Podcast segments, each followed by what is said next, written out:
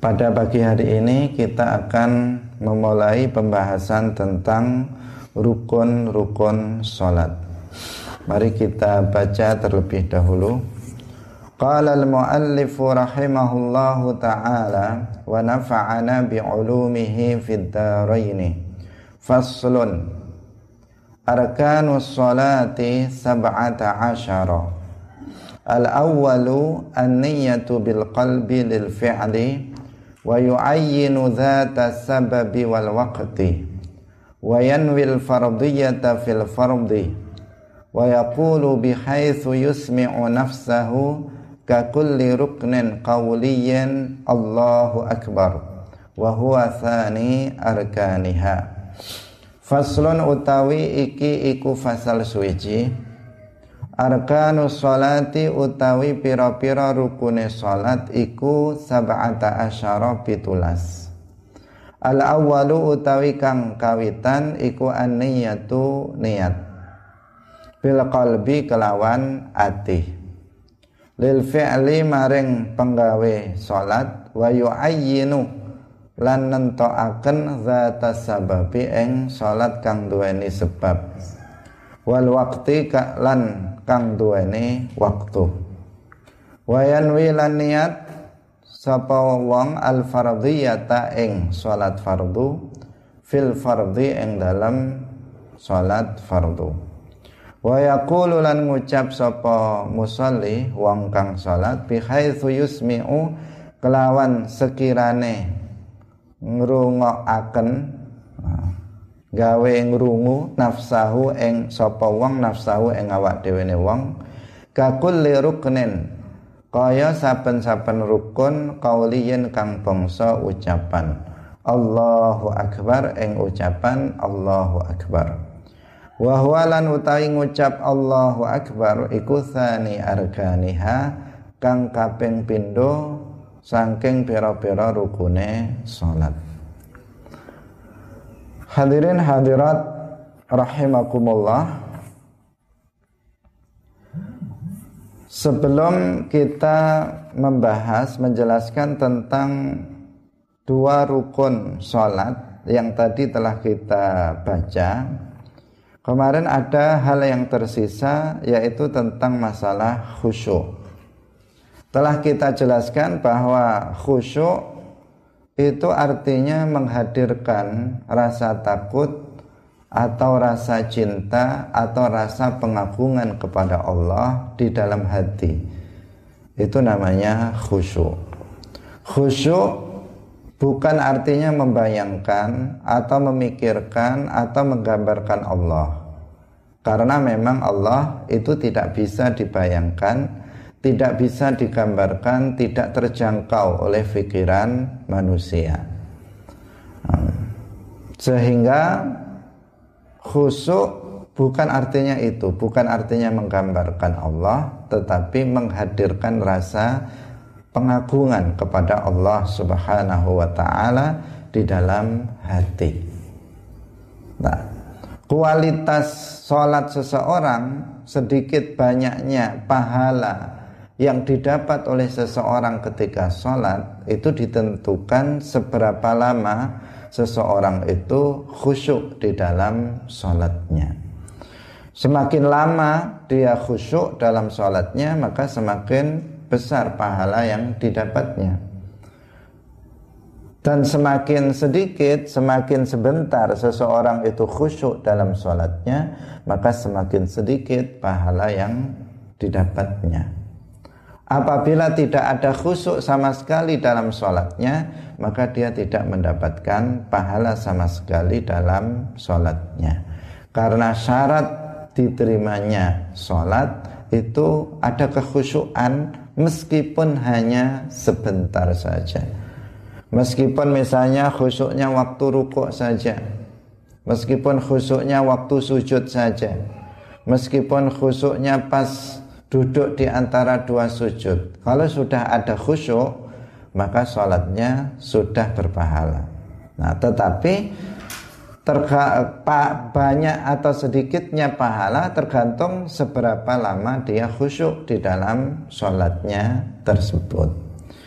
Hadirin rahimakumullah, bagaimana cara kita agar bisa khusyuk di dalam sholat?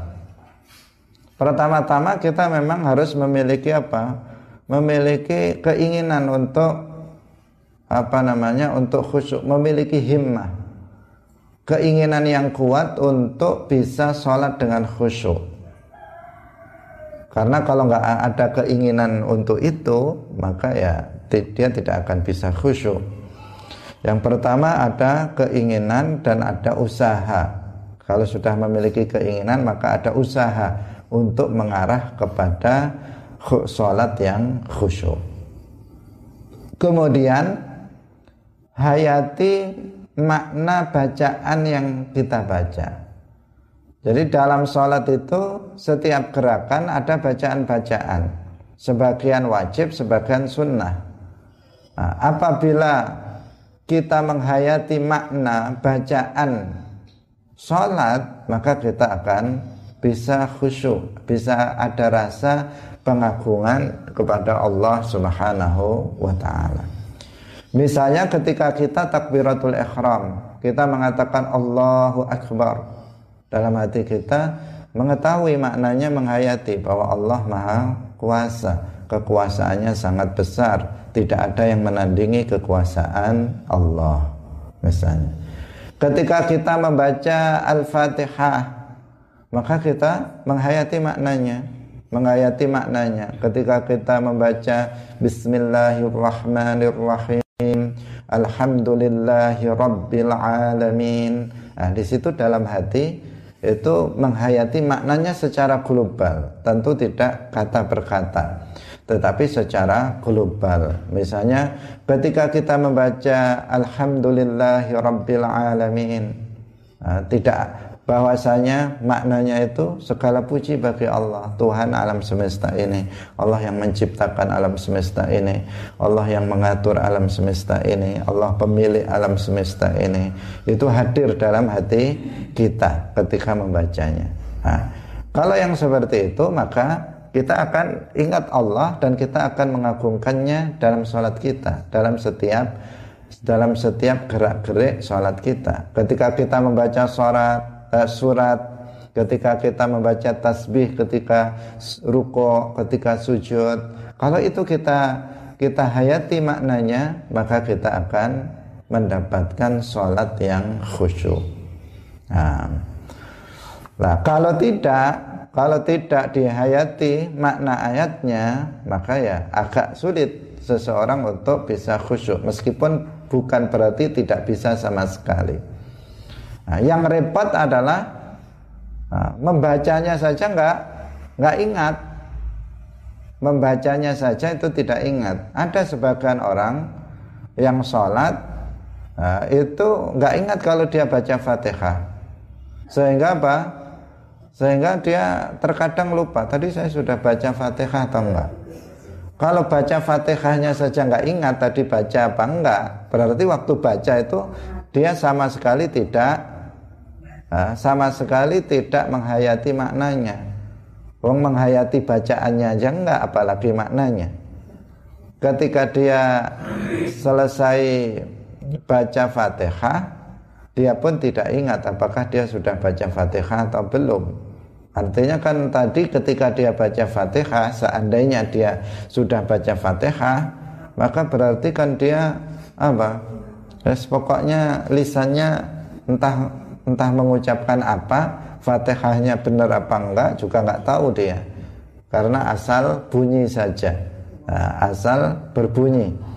Tetapi dia pun nggak ingat apakah tadi sudah baca Fatihah atau belum misalnya. Baca surat apa belum. Nah, bahkan ketika dia selesai sholat dia nggak ingat tadi surat apa yang dia baca. Nah ini apa? Ini sudah sangat parah. Nah, sudah sangat parah. Nah, karena yang seperti ini jangankan menghayati maknanya, menghayati lafadznya saja enggak. Apalagi menghayati makna dari bacaan yang dia baca. Nah, nggak ada kekhusyuan sama sekali. Jadi agar bisa khusyuk, pertama-tama kita harus menghayati makna dari bacaan-bacaan sholat. Nah, berarti kita harus tahu maknanya. Kalau nggak tahu maknanya ya sulit untuk kita apa namanya uh, bisa menghayati makna bacaan kita. Ini yang pertama. Apabila memungkinkan bagi kita mengetahui makna-makna bacaan yang kita baca di dalam sholat, maka hendaknya kita menghayati maknanya agar kita bisa sholat. Sehingga apa namanya kita nggak teralihkan kepada sesuatu yang lain karena kita fokus kepada bacaan yang kita baca. Ini pertama yang uh, tips yang perlu kita pahami agar kita mendapatkan sholat yang khusyuk. Kemudian yang kedua adalah meyakini dalam hati bahwa sholat yang sedang kita kerjakan itu adalah sholat yang terakhir. Namanya sholatu muwaddi' Sholatu al-muwaddi' Sholatnya orang yang pamitan uh, sholatnya orang yang pamitan. Orang yang pamitan itu mau pulang dia mau pergi dia. Sehingga dia itu adalah sholat terakhir bagi dia. Ketika kita misalnya sholat isya maka tanamkan dalam hati ini sholat terakhir saya. Ini sholat pamitan. Ini adalah sholat yang eh, nggak uh, ada sholat lagi setelahnya. Karena saya kemungkinan sudah mati setelah ini Nah, sehingga nggak nggak akan sholat subuh.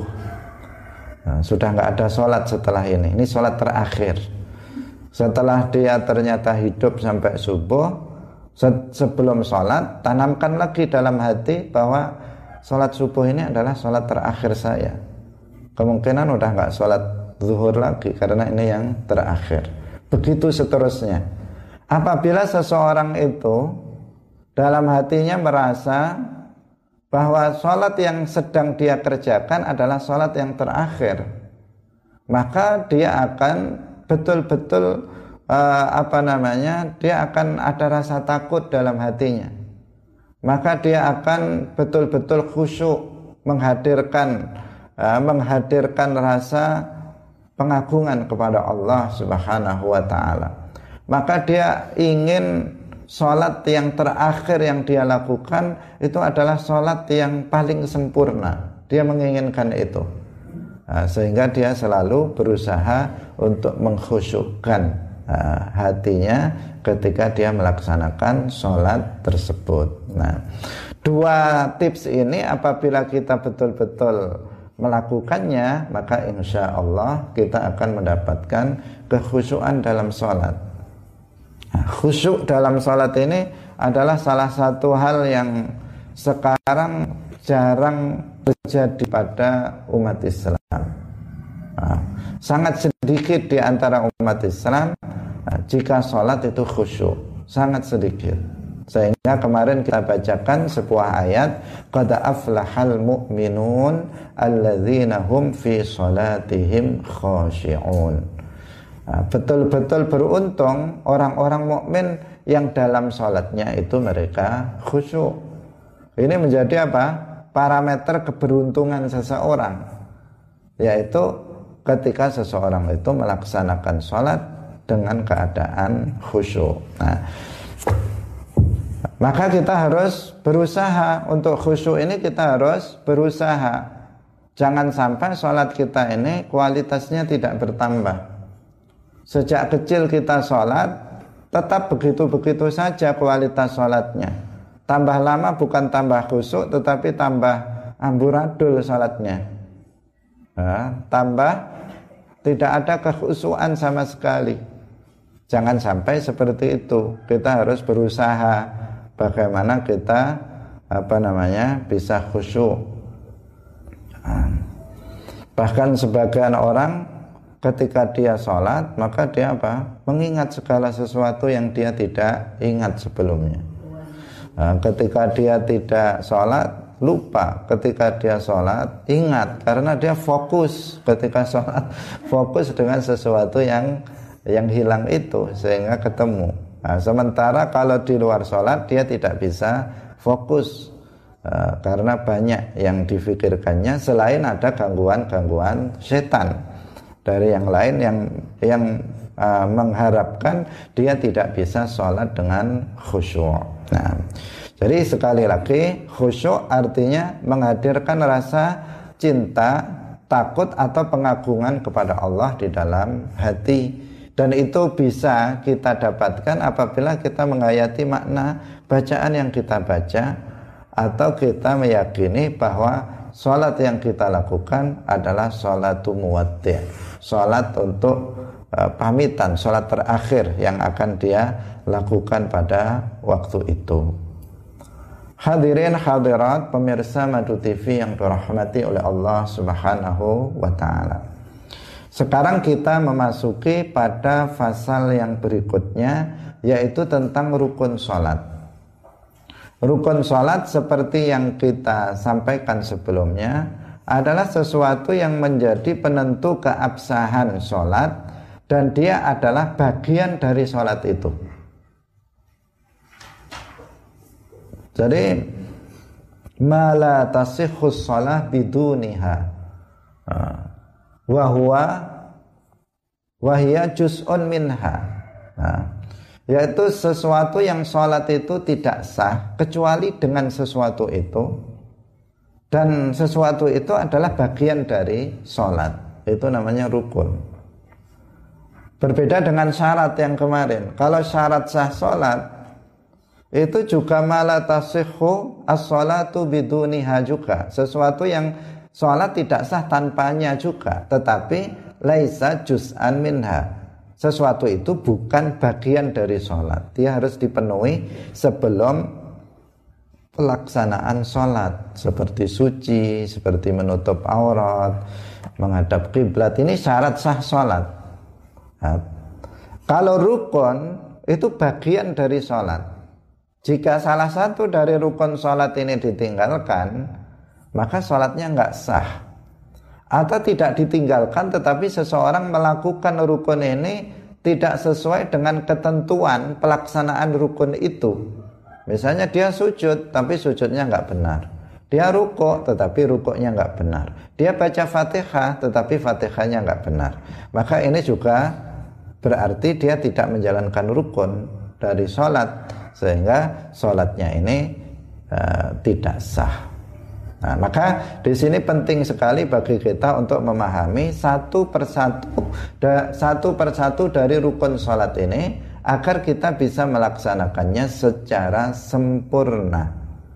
Nah, karena uh, sebagian orang itu sudah sholat tetapi dia belum melakukannya uh, sesuai dengan ketentuannya. Nah, Hadirin rahimakumullah Rukun salat yang pertama Rukun salat yang pertama Atau sebelumnya dikatakan oleh mu'alif Arkanus salat sab'ata asyara. Rukun salat itu ada 17 Para ulama berbeda-beda. Ada sebagian yang mengatakan 14 Ada yang 17, ada yang 18 Itu sebenarnya bukan ada perbedaan pendapat di sini Dalam madhab syafi'i Tetapi cara menghitungnya itu yang beda-beda 17 ini dihitung tumak ninah itu di, dihitung se, bukan dihitung satu tetapi dihitung secara terpisah-pisah sehingga menjadi 17 yang 14 itu karena tumak ninah itu hanya dirukun sebagai dianggap sebagai satu rukun atau diinkludkan kepada apa namanya pada rukun yang di uh, apa namanya yang harus ada tumak ninah di situ.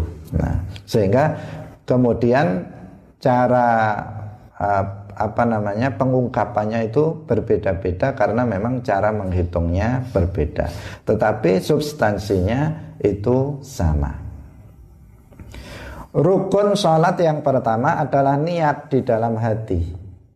Nah, sebagaimana niat wudhu di dalam hati, niat puasa di dalam hati, niat sholat itu juga di dalam hati. Bukan di lisan. Kalau seseorang itu niat dengan lisannya, maka itu bukan sesuatu yang wajib, tetapi sesuatu yang sunnah. Apabila seseorang itu niatnya Eh, dengan lisan dia mengucapkan lafat niat usolli fardhu zuhri dan hatinya kemudian ketika takbiratul ihram itu dia juga niat seperti itu maka sah sholatnya. Tetapi apabila seseorang itu niat dengan lisannya sebelum sholat dia mengatakan usalli fardhu zuhri kemudian ketika takbiratul ihram dia hatinya itu tidak niat maka nggak sah sholatnya. Yang ketiga apabila seseorang itu nggak niat dengan lisan dia tidak mengatakan usolli fardhu zuhri sebelum takbiratul ihram. Tetapi dalam hatinya ketika takbiratul ihram dia niat usolli fardhu zuhri maka sah salatnya karena uh, niat itu yang di dalam hati itu yang disebut dengan niat. Karena dia adalah amalun qalbiyun perbuatan hati uh, bukan perbuatan lisan maka yang sebaiknya digabungkan antara niat dengan lisan dan niat dengan hati. Yang dengan lisan itu sebenarnya bukan niat, cuman mengikrarkan niat yang dalam hati agar terbantu terbantu untuk uh, niat dalam hatinya, tidak lupa. Nah, itu salah satu hikmahnya niat dengan lisan, mengucapkan niat dengan lisan. Hadirin rahimakumullah. Ini yang pertama yang harus dipahami tentang niat, bahwa niat itu di dalam hati. Nah, karena di sini sering seseorang eh, apa namanya menganggap niat itu di lisan, sehingga ketika eh, enggak dia enggak hafal niatnya, niat sholat, kemudian dia enggak sholat saya belum hafal ya niat sholat. Nah, dia mengatakan begitu. Tidak harus hafal, niat sholat tidak harus hafal karena niat itu di dalam hati. Nah, jadi kalau seseorang misalnya tidak bisa mengucapkan dengan lisannya usolli fardhu zuhri misalnya arba'a raka'atin mustaqbilal qiblati adaan ma'muman lillahi ta'ala. Misalnya nggak bisa mengucapkan seperti itu maka ya nggak masalah. Yang penting hatinya mengatakan saya niat sholat fardu zuhur. Yang penting hatinya mengatakan begitu maka itu sudah sah. Karena hakikat niat itu yang ada di dalam hati bukan yang ada dalam lisan meskipun mengucapkan niat dengan lisan itu juga penting untuk menguatkan niat yang ada di dalam hati sehingga para ulama mensunahkannya.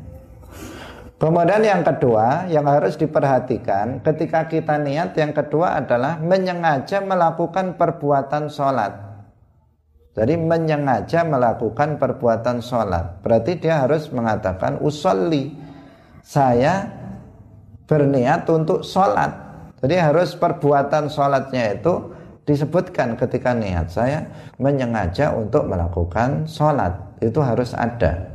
Kalau dilafatkan ya usolli itu harus ada kata-kata usolli dalam uh, apa namanya hati itu harus ada niat saya niat untuk melaksanakan sholat itu harus ada.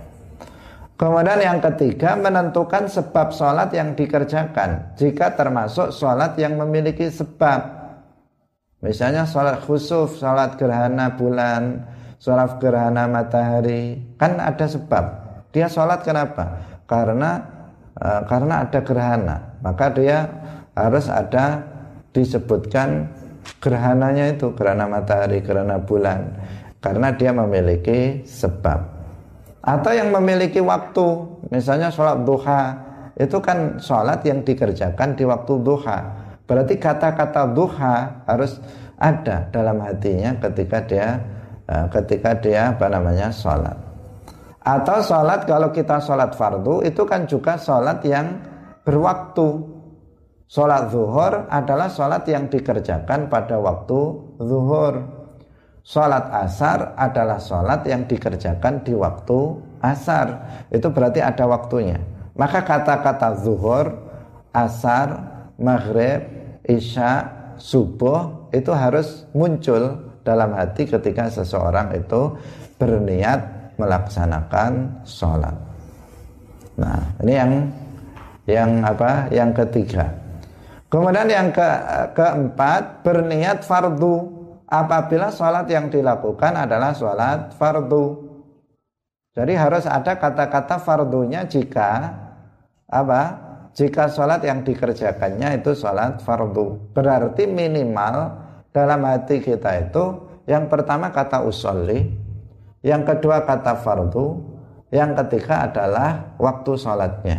Berarti usolli fardhu zuhri, usolli fardhu asri, usolli fardhu maghribi, usolli fardhu isya'i, usolli fardhu subhi. Ini minimal itu dalam hati ketika kita takbiratul ihram Allahu akbar, maka dalam hati minimal saya niat sholat fardu zuhur. Minimal, paling sedikit seperti itu. Tidak harus panjang arba'a raka'atin mustaqbilal qiblati adaan ma'muman lillahi ta'ala. Akhirnya karena dia pahamnya seperti itu dan harus dibaca, harus dibaca dalam hatinya. Nah, padahal tidak mesti dibaca. Tapi kalau pemahaman seperti itu akhirnya takbirnya lama. Dia Allahu Akbar. Karena wadi dibaca usolli fardhu zuhri arba'a rakaatin. Nah, akan seperti itu jadinya. Padahal kalau perbuatan hati ini sekejap perbuatan hati ini sekejap dan tidak seperti itu. Allahu Akbar itu sudah muncul usolli fardhu zuhri usolli fardhu subhi. Nah, jadi dalam hati itu minimal yang harus ada ketika seseorang berniat sholat fardu. Hadirin rahimakumullah. Kemudian yang selanjutnya yang harus diperhatikan bahwa niat itu harus dilaksanakan bersamaan dengan takbiratul ihram. Ini dalam mazhab Syafi'i. Jadi niat itu bersamaan dengan takbiratul ihram. Takbiratul ihram itu bacaan Allahu Akbar. Harus bersamaan dengan itu. Jadi lisannya itu mengucapkan Allahu Akbar, hatinya mengatakan saya niat fardu zuhur, saya niat sholat fardu zuhur, usolli fardu zuhri. Hatinya mengatakan begitu, lisannya mengatakan Allahu Akbar. Nah, bisa dipahami ya. Jadi letaknya niat itu kapan? Bersamaan. Bersamaan dengan membaca takbiratul ihram. Bukan sebelumnya atau setelahnya. Makanya tadi yang lisan itu kan diucapkan kapan? Yang lisan kan diucapkan sebelum sholat. Sebelum kita sholat usolli fardhu ini sebelum apa? Sebelum sholat. Ini makanya ini bukan hakikat dari niat bukan ini. Karena niat itu bersamaan dengan takbiratul ihram Nah, sehingga ketika kita uh, niatnya yang dalam hati ketika kita mengucapkan Allahu Akbar hatinya mengatakan usolli fardhu zuhri. Nah ini. Ini tata cara niat. Nah, tata cara niat agar dipahami. Nah, tidak sah kalau dilakukan sesaat sebelum sholat. Atau misalnya setelah uh, sebelum sholat artinya sebelum takbiratul ihram. Juga tidak sah apabila setelah selesai takbiratul ihram niat sholat itu. Harus bersamaan dengan membaca takbiratul ihram. Ini kalau dalam madhab syafi'i. Nah, kalau dalam mazhab yang lain seperti dalam mazhab Maliki maka diperbolehkan apabila seseorang itu niatnya sesaat sebelum dia takbiratul ihram. Jadi ketika dia masih berdiri mau takbiratul ihram, dalam hatinya dia mengatakan usolli fardhu zuhri. Dalam mazhab Maliki itu boleh. Tapi dalam mazhab Syafi'i nggak bisa, harus bersamaan dengan takbiratul ihram. Nah, seperti itu. Hmm. Kalau seseorang itu mudah ragu, mudah ragu, maka bisa menggunakan mengamalkan uh, madhab maliki ini.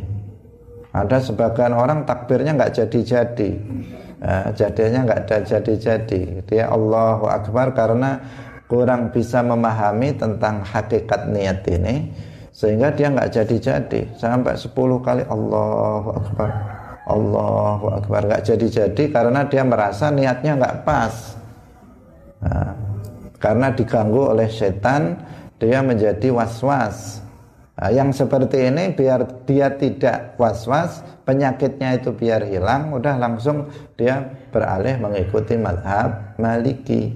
Meskipun sesaat sebelum takbiratul ihram, eh, niat dilakukan itu sudah sah sholatnya. Nah, hadirin hadirat rahimakumullah. Yang berikutnya, rukun yang kedua dari sholat adalah takbiratul ihram yaitu membaca Allahu Akbar. Nah, ada beberapa ketentuan yang penting untuk kita perhatikan ketika kita membaca takbiratul ihram. Nah, yang pertama, memperdengarkan seluruh huruf takbir pada dirinya sendiri. Takbiratul ihram itu harus dibaca dengan suara minimal dirinya sendiri itu mendengar. Tidak harus keras, tidak harus keras. Nah, tetapi apa? Dirinya sendiri, telinga dia sendiri itu bisa mendengar apa yang dia ucapkan. Misalnya, kan saya dengar ini, telinga saya dengar apa yang saya ucapkan. Allahu Akbar apalagi kalau begitu sangat dengar sekali telinga saya dari yang saya ucapkan. Nah, artinya harus harus berupa suara harus ada suaranya. Nggak boleh umi-umi. Nah, umi-umi saja. Umi-umi itu apa? Menggerakkan menggerakkan bibir saja ini banyak sekali orang yang kalau sholat itu menggerakkan bibir saja. Kan nggak ada nggak ada suaranya sama sekali. Itu saya mengamati banyak orang yang sholatnya begitu. Ketika takbiratul ihram dia cuma menggerakkan bibir nggak bisa menggerakkan bibir saja nggak bisa. Tapi harus ada suara yang keluar dari lisannya yang minimal dia dengar sendiri telinganya itu dia dengar sendiri kalau itu kan ada suara, saya dengar. Mungkin samping saya juga dengar. Memang nggak harus dengar samping kita. Yang harus dengar adalah kita sendiri. Nah, harus kita sendiri mendengar apa yang kita uh, kita sampaikan. Jadi nggak nggak cukup sekedar apa menggerakkan lisan, menggerakkan bibir saja. Nah, tidak cukup. Ini kita kita tekankan kepada semuanya yang hadir dan para pemirsa nggak cukup seseorang dalam takbiratul ihram itu hanya menggerakkan bibir hanya mengatakan itu saja tapi harus diucapkan dengan suara meskipun suara itu nggak keras hanya dirinya sendiri yang nah, itu harus syarat syaratnya seperti itu bihaitsu yusmi'u nafsahu Nah, termasuk rukun perbuatan yang lain, rukun kauli yang lain, rukun bacaan yang lain. Ketika membaca Fatihah juga nggak cukup cuman menggerakkan bibir saja. Ketika membaca tasyahud, sholawat, salam, nggak juga nggak cukup dengan hanya menggerakkan bibir saja. Nah, dirinya sendiri harus mendengar apa yang dia baca. Nah, ini sangat penting untuk diingatkan. Hmm. Karena saya lihat banyak orang yang begitu sholatnya, dia hanya menggerakkan bibirnya, seakan-akan malas sekali dia sholatnya, nggak nggak betul-betul dia sholat. Nah, sholat kok nggak sungguh-sungguh dia melakukannya, mungkin hanya sekedar uh, sekedar biar dianggap orang sholat gitu saja, sholat dengan malas-malasan, nggak ada semangatnya sama sekali. Nah, harus disuarakan nah, sekira dirinya sendiri itu mendengar dari bacaan yang dia baca. Dalam hal ini adalah takbiratul ihram. Hmm. Hadirin yang dirahmati oleh Allah Subhanahu wa taala. Kemudian yang kedua, membacanya itu harus benar. Takbiratul ikhram itu membacanya harus benar, jangan sampai salah. Nah, ini juga perlu untuk diingat-ingat, perlu menjadi kewaspadaan dan peringatan dari kita tentang bacaan takbiratul ihram dan takbir secara umum dalam azan atau yang lainnya juga. Tetapi di sini kita fokus kepada takbiratul ihram dalam sholat. Yang pertama yang harus diingat tadi kita katakan kaidah umumnya apa? Membacanya harus benar. Allahu Akbar harus benar. Nah, tidak boleh seseorang membaca takbir itu keliru. Lah praktek yang keliru itu biasanya apa? Biasanya yang terdengar oleh kita itu memanjangkan lafaz ba. Nah, dia mengatakan Allahu Akbar.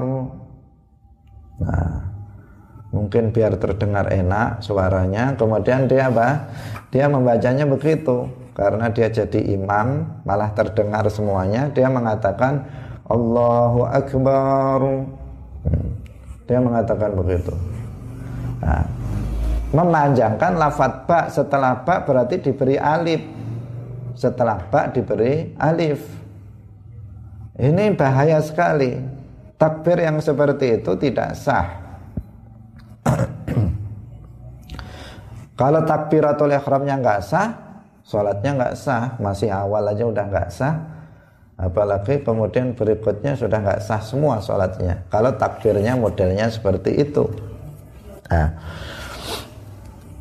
karena lafat akbar kata-kata itu itu jamak dari kabarun yang artinya dalam bahasa Arab itu adalah gendang yang besar jadi gendang yang besar atau belul kabir jadi kalau seseorang mengatakan Allahu Akbar itu dia mencaci maki Allah.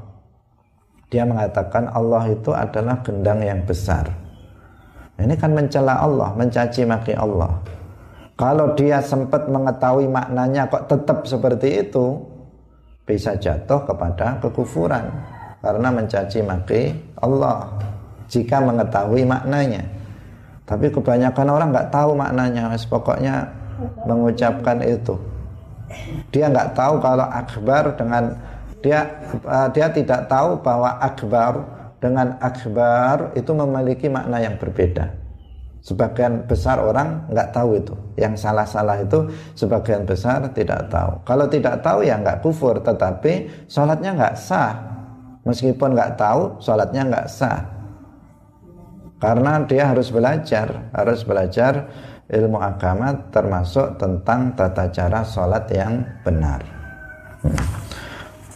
Ini yang pertama yang sering terjadi kesalahan.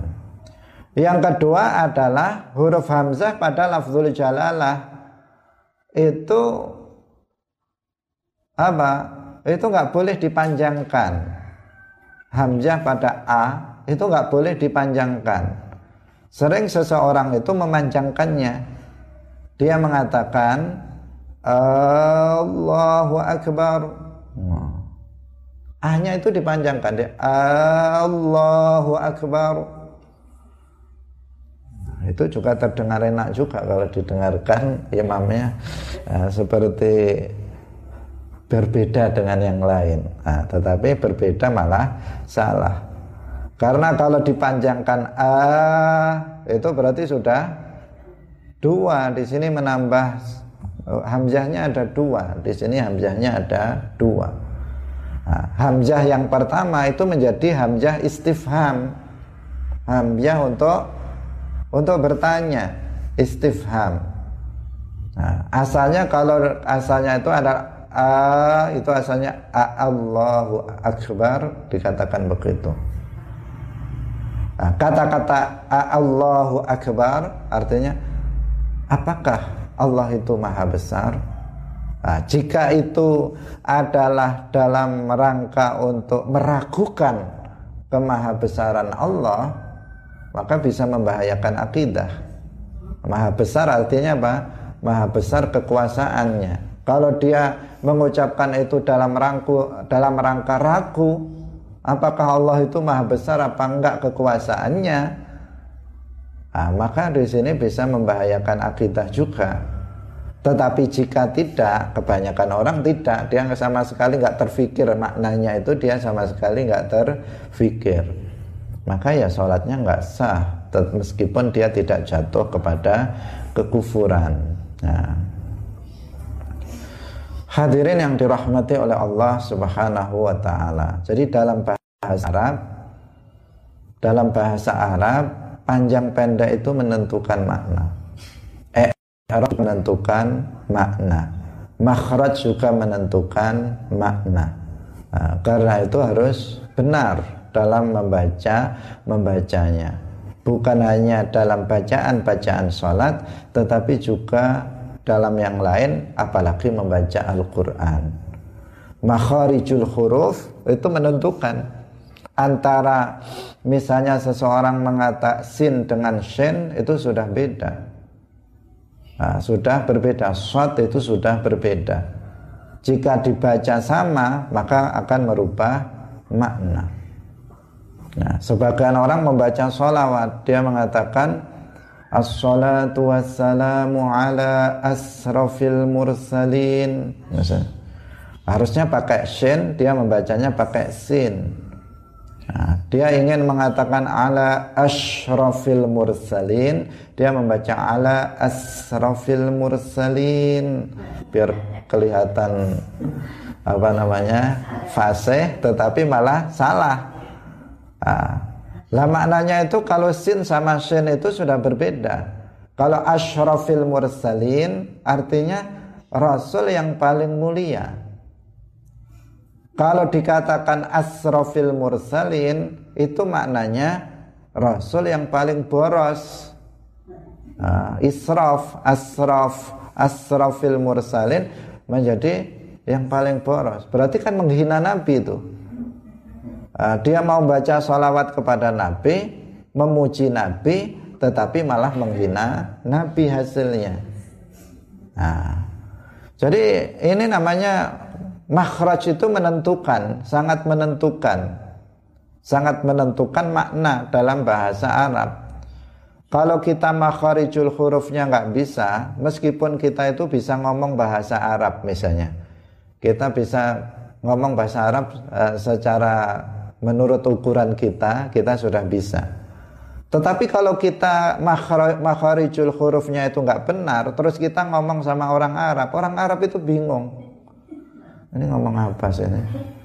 Kayaknya sudah lancar dia ngomongnya, tapi kok nggak ada yang bisa dipahami. Kenapa makharijul hurufnya itu nggak pas? Yang shot jadi sin, yang itu sudah maknanya sudah berubah sehingga orang Arab pun bingung ini ngomong apa. Nah, iya, ada seseorang yang begitu dengan percaya dirinya dia kalau ada orang Arab langsung mendekat dan ngajak ngomong, tapi orang Arab malah nggak paham. Orang menilai dia paham bahasa Arab, bahasa Arabnya lancar, tapi orang Arab nggak paham. Kenapa? Salah satunya adalah makharijul hurufnya. Kalau seseorang itu salah dalam mengeluarkan huruf dari makhrajnya, dari tempat keluarnya huruf itu, maka itu akan mempengaruhi makna, mempengaruhi kepada makna seperti tadi itu. Kalau ada orang misalnya Harusnya dia mengatakan asyrafil mursalin, dia mengucapkannya asrafil mursalin. Orang pun bingung, apa ini kok mencaci nabi nih orang ini. Nah, dia akan mengatakan begitu. Nah, kalau kita yang sudah biasa, sudah biasa karena taunya cuman itu, mungkin kita akan oh maksudnya begini. Nah, tetapi kalau orang Arab kan nggak begitu. Orang Arab kan nggak begitu. Yang yang dia dengar itu yang dia pahami langsung dia pahami. Oh, kok begitu ya? Kok dia mencaci Allah? Dia kok mencaci Nabi dan seterusnya. Akan terjadi hal yang semacam itu. Nah, sehingga itu sebenarnya juga berlaku di mana? Di mana-mana. Dalam bahasa Indonesia pun kan juga makhraj menentukan. Nah, misalnya seseorang mengatakan saya tadi beli wedi misalnya. Saya beli wedi. Itu kan orang bingung beli wedi dibeli? Nah, ternyata beli wedi salah makhraj ya salah makhrajnya. Dia mengatakan harusnya mengatakan wedi keliru wedi. Saya tadi beli wedi. Orang bingung yang mendengar pun bingung beli wedi. Nah, seharusnya mengatakan beli wedi, dia mengatakan beli wedi. Wedi itu takut, wedi, wedi itu pasir. Nah, maknanya sudah beda. Nah, maknanya sudah berbeda itu bahasa Jawa. Bahasa Indonesia juga begitu, bahasa yang lain juga begitu, apalagi bahasa Arab. Bahasa Arab itu kan ada sin, ada shin, ada sa, ada sot. Itu kalau kalau membacanya nggak nggak benar, makhrajnya nggak benar, merubah makna. Misalnya kof, kaf, kalau nggak nggak apa namanya nggak benar pengucapannya merubah makna. Zal sama dal misalnya. Kalau itu mengucapkannya keliru juga akan merubah makna. Banyak yang dekat-dekat dekat-dekat sehingga ini harus diluruskan terlebih dahulu dalam uh, makharijul huruf. Maka dalam membaca Al-Qur'an itu salah satu hal yang sangat uh, prinsip dalam membacanya adalah tentang makharijul huruf ini. Nah, bagaimana mengucapkan huruf itu tepat uh, sesuai dengan makhrajnya. Makhraj itu tempat keluarnya huruf itu di mana? Apakah di bibir, di lisan, di bagian mana, di tenggorokan dan seterusnya. Itu harus pas kalau enggak nanti ya itu keliru keliru merubah makna hadirin hadirat rahimakumullah. Nah, panjang pendek juga mempengaruhi makna. Seperti tadi dikatakan akbar dikatakan akbar itu sudah maknanya berbeda. Yang satu akbar itu artinya zat yang paling besar kekuasaannya. Kalau akbar itu maknanya gendang-gendang yang besar jamak gendang-gendang yang besar. Nah, padahal cuma apa? Panjang sama pendek saja. Nah, ini uh, mesti kita waspadai. Nah, kita waspadai. Sering uh, dalam membaca Al-Quran sebagian orang juga begitu. Dia mengatakan baca surat Al-Ikhlas karena ingin lagunya biar enak dia mengatakan kul huwallahu ahad Allahu somad ini sudah keliru semua itu. Nah, bacaan seperti itu keliru nah, semua. Sudah tasdidnya hilang yang yang pendek dipanjangkan yang panjang dipendekkan udah nggak karu-karuan. Meskipun kalau didengar dari jauh orang yang nggak bisa baca Al-Quran enak sekali itu suaranya. Tetapi sebenarnya apa? Eh, kacau, kacau balau. Ya. Hadirin yang dirahmati oleh Allah Subhanahu wa taala. Kemudian yang berikutnya yang harus diwaspadai juga tidak boleh menambah wawu di antara lafaz jalalah dan akbar. Nah, sehingga menjadi sebagian orang mengatakan Allahu Akbar. Dia mengatakan begitu. Ada wawunya wak wa itu di tengah-tengahnya dia mengatakan Allahu ada Allahu Akbar. Nah, dia berarti menambah wawu. Nah, itu ada ya, ada sebagian orang awam yang mungkin karena nggak belajar dikira ada Ah, ada wawunya di tengah itu. Dia mengatakan Allahu Akbar atau Allahu wa Akbar. Kalau ini jarang, tapi kalau orang mengatakan Allahu Akbar itu sering terjadi. Nah, karena itu kita ingatkan bagi yang masih seperti itu, itu nggak sah seperti itu. Nah, di situ nggak ada wawunya antara Allah, lafzul jalalah Allah dengan lafat akbar nggak ada wawunya. Nah, langsung Allahu Akbar Nah, ini hal-hal yang harus diperhatikan dalam membaca takbiratul ihram. Harus benar, harus benar. Dia harus dengar uh, bacaan dia, kemudian dia harus membacanya dengan bacaan yang benar. dari sisi panjang pendeknya, dari sisi makharijul hurufnya itu harus tepat. Nah, karena ini adalah rukun salat, tanpanya rukun eh, salat tidak akan sah. Hadirin hadirat rahimakumullah, demikian pengajian kita pada pagi hari ini semoga bermanfaat bagi kita semuanya. Barakallahu fikum wallahu muwaffiq ila aqwamit thoriq.